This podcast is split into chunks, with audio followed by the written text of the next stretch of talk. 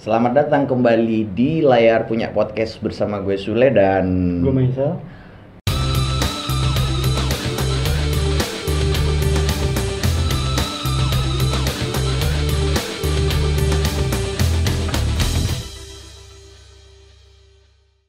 kali ini di podcast yang ketiga eh, layar akan membahas tentang film, film lagi karena ini memang film, maksudnya film horor Oke. dari Seorang sutradara Iya, Indonesia yang sutradara pernah kita bahas sebelumnya. sebelumnya Joko Joko Anwar. Oke. Itu tidak hanya satu film kan Joko Anwar bikin Horor. genre horor kan? Iya, untuk murni horornya udah dua. Tapi Iya. kalau ada eh, flick-flick horornya udah lumayan ya. Ada kayak. Kala juga ada horornya, eh, Forbidden Door juga ada horornya. Tapi hari ini kita fokus bahas Eh, tentang Pengabdi Setan.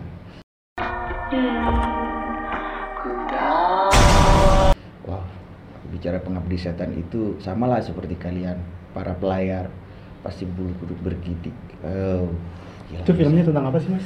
Sinopsisnya? Mungkin pelayan mungkin ya walaupun fenomena kan belum tentu semua nonton. Iya kan? sih, tidak semuanya sudah pada menonton walaupun Hmm. sekarang sudah tersedia di YouTube mungkin ada trailernya gitu kan. Jadi itu sebenarnya cerita tentang keluarga ya. Jadi ngeri sekali kalau aku cerita itu. Oh, tarik nafas dulu.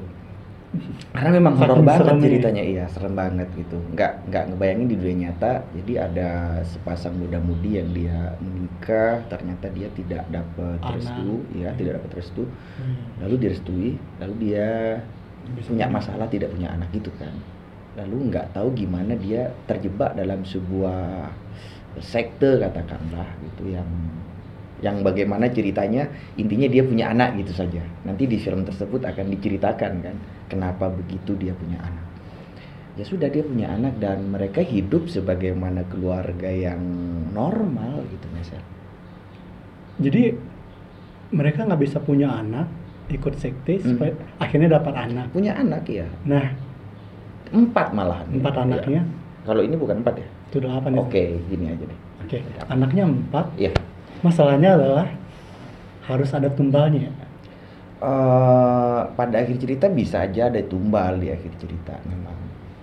Tapi dari garis besar cerita itu eh sekte tersebut sebenarnya menghendaki itu ber apa ya ber beranak pinak gitu loh.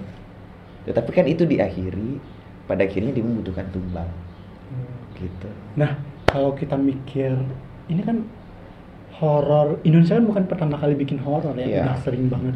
Kita tahu Susana itu Queen of Horror di Indonesia. Hmm. Pertanyaannya adalah kenapa kok bisa Pengabdi Setan ini jadi horor tersukses Indonesia? Padahal kan udah banyak tuh horor-horornya.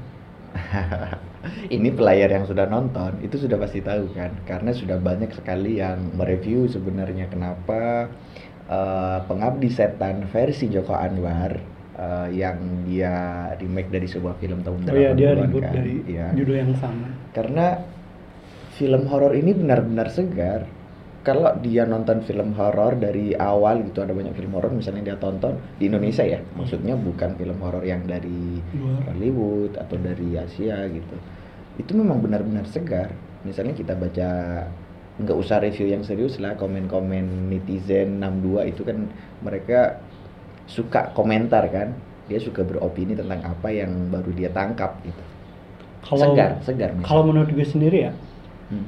salah satu kunci bukan kunci salah satu faktor kesuksesan dari pengabdi setan itu nggak lain ya karena promosinya besar-besaran pertama Oke. itu itu itu itu bukan Promosi, satu-satunya ya. tapi Iya. itu salah satunya salah satu bukan satu-satunya tapi jadi faktor salah satu yang bikin itu jadi benar-benar sukses karena gue inget banget ya waktu awal-awal Joko Anwar bilang dia pengen bikin horor dia pengen Hmm. ribut horor di Iya, Twitter iya. dia nanya ke netizen kan horor apa yang pengen dia ribut Hmm. tahunya satu tahun kemudian dia malah ngasih tahu kalau dia pengen ribut pengabdi setan ini oke nah yang kedua faktor yang ini pendapat personal iya iya iya. yang kedua menurut gue itu ya tadi sama kesegaran kesegaran Hmm. cerita dari sebuah horor Hmm. kita kan tahu kalau ini kan ribut dari film 1980-an Iya, iya, ya benar. 982 atau Iya. tentang judul yang sama tapi kalau kita lihat dia beda Iya sangat beda. dalam artian cuma premisnya aja yang sama tentang seorang pengabdi setan Mhm. dan mungkin kalau dalam kasus ini lebih ke si ibu ya ibu Iya sih ibu. ibu ikuti mengikuti sekte supaya bisa dapat anak Hmm.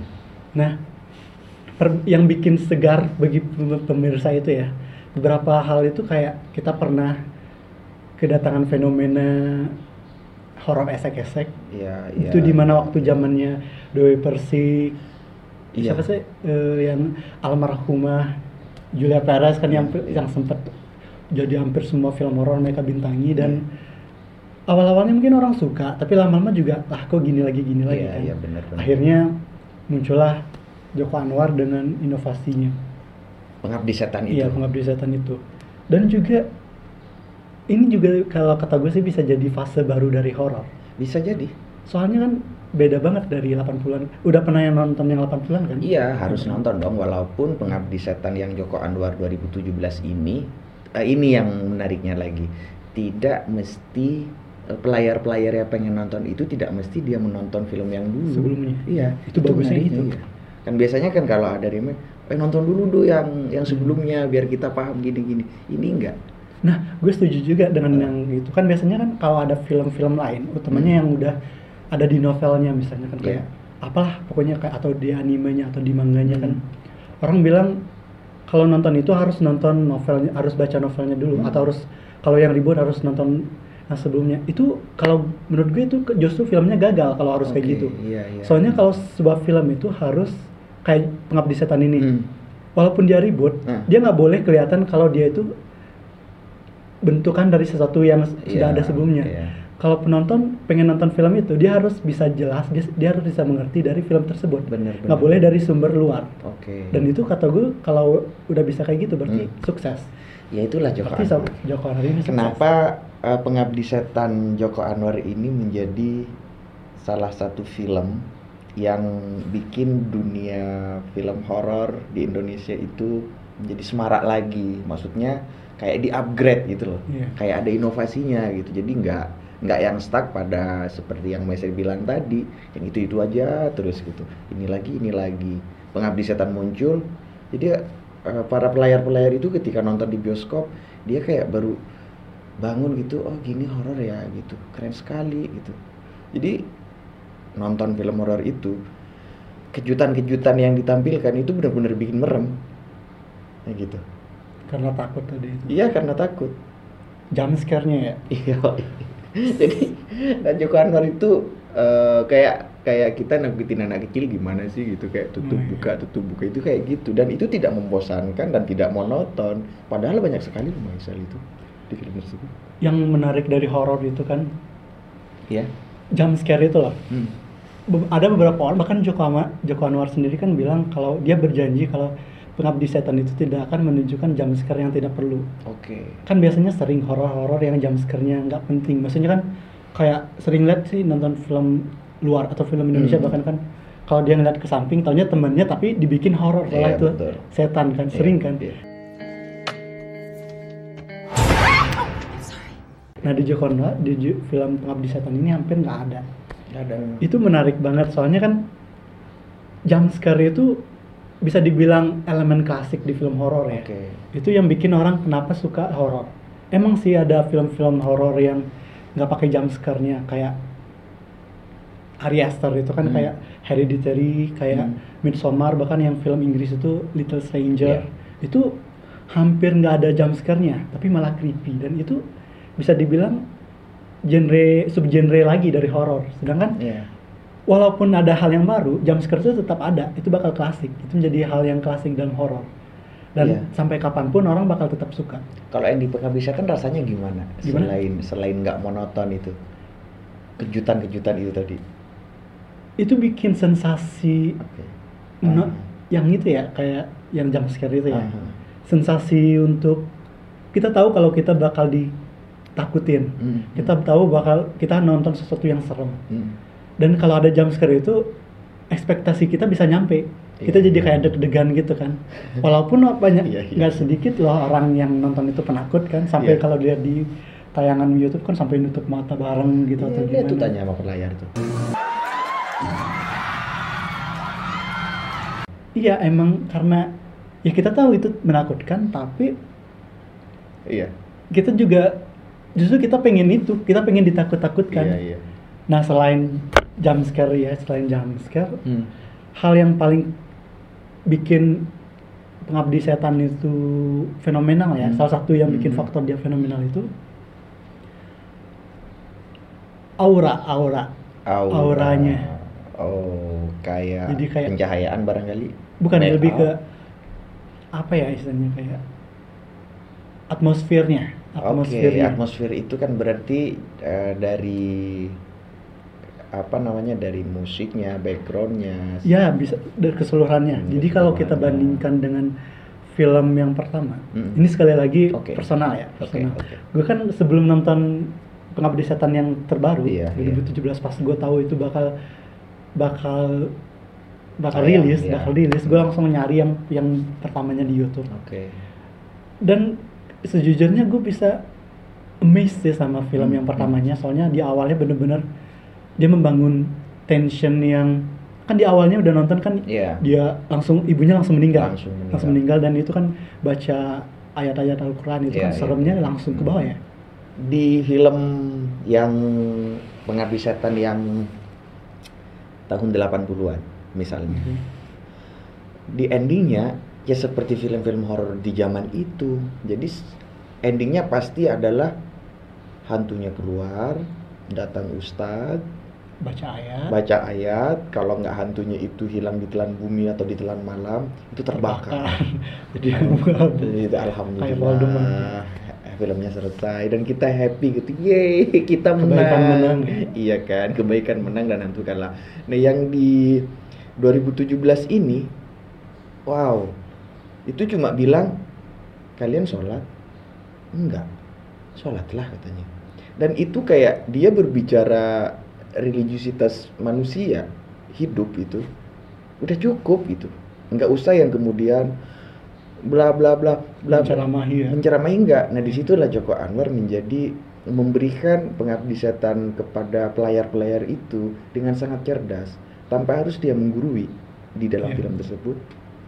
Pelayar itu menjadi paham Maisal itu menurut gue ya. Nah, gue juga setuju itu. Jadi kepen- pentingnya sebuah dialog, dialog Iya. yang cerdas ya. Hmm, hmm. Dan sebelumnya kan gue pernah bilang kalau dialog Oke. Joko Anwar kelemahannya ada di dialog. Iya iya. Tapi gue juga ngakuin kalau dialog itu salah satu dialog yang cerdas. Iya betul. Dan juga gue salah satu kecerdasan di sana tuh gue ngelihat pertama kali nonton itu Hmm. ustadznya itu benar-benar manusiawi. Saat anaknya meninggal dia menangis. Iya. Dan dia punya rasa dendam, punya rasa dendam Hmm. saat anaknya meninggal kan. Hmm. disebabkan oleh anak-anak itu kan Rini Hmm. siapa Hmm. Rini Tony ya siapa namanya Rini, Tony, Boni dan Ian. Oke, ya. Oke. Gue sering lupa kalau Iya. nama-nama. Nggak masalah Maisal. Banyak Pokoknya- orang lupa. ada waktunya ketika zombie-zombie itu bangun dan mengejar anak-anak itu Hmm. Pak Ustadz tahu tapi dia cuma pura-pura nggak tahu Hmm. itu karena kita tahu kalau itu karena dia dendam kan Iya karena iya iya. ah anak gue meninggal karena Hmm. mereka tuh ngapain gue selamatin Hmm. mereka sih dan itu benar-benar manusiawi Dan di situ Pak Ustadznya tidak berdaya loh. Dia tidak bisa baca ayat. iya iya benar dan itu salah satu yang bikin film itu bisa dinikmati Oke, tet- tetapi di situ itu lebih kepada person ya. Maksudnya Joko Anwar eh, memposisikan aktor Ustadz ini tidak untuk melakukan sesuatu secara religi yang bisa menjadi pembasmi hantu-hantu jahat gitu menjadi solusi. Ya, dia enggak. bukan sebagai solusi. Dia- Cuma kar itu kan dulu kan dia solusi cuma karena dia seorang ustadz. Iya. Itu kan apanya yang masuk akal Iya, gitu kan. iya, iya, iya. Soalnya pada kenyataannya kan nggak semuanya kayak gitu. Betul. Nggak semua segampang itu. Iya. Dan jeniusnya Joko Anwar ya dia bisa mencoba bercerita. Mm-mm. Dari film itu dia benar-benar bercerita. Jadi Mm. nggak mencoba menunjukkan kita harus kayak gini loh. Iya. Pesan benar. moralnya kan nggak Hmm. bukan cuma karena 80-an itu kan benar-benar benar-benar pesan moralnya gitu. Kita harus agama, Iya, kita iya, harus iya. sholat dan sebagainya. Hmm. Dan sedangkan Joko Anwar itu dia bercerita kalau oke siang itu nggak sholat Hmm. dan itu ada yang salah dengan agamanya. Iya. Udah dan cuma kata-kata itu aja Iya. kita sebagai penonton udah merasa oh Iya. cerita ini bagus nih gitu Iya. kan. Ya cukup itu aja gitu. itu salah satu salah duanya ya salah duanya dari film Pengabdi Setan menjadi kita katakan luar biasa luar biasa untuk sebuah film horor yang kehadirannya itu membawa kesegaran kayak gitu ada lagi dari uh, make up make upnya realistis ya wow nggak usah menunggu si ibu itu meninggal untuk bikin kita takut. Satu make up kedua itu pencahayaan pencahayaannya itu kayak orang-orang gitu kan kayak kuning-kuning gimana gitu. Terus ada juga lonceng ada di lantai atas di kita harus naik. Jadi ini film horor. Kita melihat malam hari kaki gitu Hmm. itu kayak itu punya apa ya gitu loh langsung tensi iya kan itu belum meninggal loh ibunya Iya. bunyi lonceng itu itu horor banget loh ya aku ya aku yang menonton ya Iya, walaupun sebenarnya maksud di film ceritanya itu belum horornya ya. Belum. belum, ini hantunya, tapi sebagai penonton, gue juga Iya. ngerasa kayak gitu kan. Oh, ini bakal jadi something. Iya, Loncengnya itu kan bakal betul. jadi icon dari Betul. film ini gitu kan. Ternyata dari awal kita udah tahu. iya Ting ting ting ting. Emang kenyataannya kan kalau orang bahas Oke. ibu pasti ting ting ting gitu iya kan. iya iya Iya. jadi itu itu satu itu satu yang bilang ikon gitu kan ada lonceng ketika dibunyikan kita merasa takut terus yang kedua eh, gambar yang ada di itu studio musik ya ketika si Rini datang mena kayak meminta royalti gitu Oh, di awalnya ya. itu kan ada Anwarnya dia menyorot ini kan menyorot sebuah apa namanya figura gitu poster itu Oh iya. itu kan ibunya sebenarnya Iya, kan iya. gitu Jadi itu itu, kan diputar. walaupun sebentar ya, itu menarik juga kan. Walaupun Hmm. sebentar, dia udah menceritakan banyak banget latar belakang seorang ibu Bener, tanpa harus flashback ya. nggak perlu Iya, dan itu bagus banget dengan awal dia menceritakan kalau ibu itu adalah Hmm. seorang musisi, seorang penyanyi yang Iya. pernah sukses Hmm. dan sekarang jatuh. Mm, Dan kejatuhannya itu dilihat dari bagaimana Rini meminta mm. Royalti dari Iya. dan Joko Anwar ber- berperan sebagai pemilik radio rekaman itu ya, Betul. pemilik Studio rekaman rekaman itu, studio rekaman rekaman itu. Jadi film itu dibuka dari sebuah kehidupan yang realistis. Jadi Iya. tidak seperti film yang 80-an langsung masuk klub wah horor nih gitu. Memang ada yang misalnya ada perempuan di pemakaman yang itu ternyata terekam oleh si Tony. Si Tony tanya, ada beberapa orang yang aneh kata dia kan. Itu untuk menunjukkan Iya. bahwa itu adalah kelompok yang diikuti oleh sang ibu semasa hidup. Dan bahkan gue juga awalnya nanya-nanya gini di awal ya, Hmm. lah kok bisa ya Joko Anwar milih castingnya kayak gini? Itu kan antara Tara Basro, antara Hmm. adik-adik itu kan Hmm. gak mirip sama sekali. Taunya dijelasin kenapa mereka itu nggak mirip. Iya. Dan gue sendiri kayak, oh ini mind blowing banget ya Iya. kayak gini gitu kan. Dan cerita itu yang sebenarnya kita Iya. tunggu-tunggu sebagai Iya. penonton Indonesia yang kita, Jadi ya intinya di situ tidak ada tahayul yang dibangun secara mistis Joko Anwar bilang itu semuanya realistis. Oh iya, itu kan Iya, iya. walaupun tanpa dijelasin secara literally ya, Hmm, hmm, hmm, itu kan kita tahu kalau dari dari cerita tersebut dari apa yang diungkapkan itu kita tahu kalau sebenarnya yang mandul ada bapaknya Oke. Dan kita Iya. tahu ya ini maksudnya ini spoiler sebenarnya kan tapi Iya, kan iya. udah lewat ya Iya, udah iya, iya, nggak ada spoiler lagi spoiler tuh jangkanya paling tiga bulan gitu Iya iya betul. betul. atau lima bulan lah paling Oke, maksimal oke, habis itu lah Oke. bodo amat lah nggak ada spoiler lagi Oke. kalau lu belum nonton itu salah lo gitu kan ya Oke benar. Nah, jadi bapak ini nggak bisa, bapak ini mandul Oke. dan ibu ini ikutan sekte dan kita tahu kenapa anaknya beda-beda karena Oke. bapaknya beda-beda. Oke. Justru yang mengagetkan itulah bagi anak-anak itu saat, saat tahu mereka itu ternyata bukan sekandung yang mereka kira Hmm, hmm, hmm. dan yang wahnya itu adalah plot twistnya itu. Iya. Gue kalau bilang plot twist kita selalu ingat sama sutradara India Hollywood yang asal India M Night Shyamalan. Dia itu sangat terkenal dengan plot, plot twistnya. Hmm, hmm.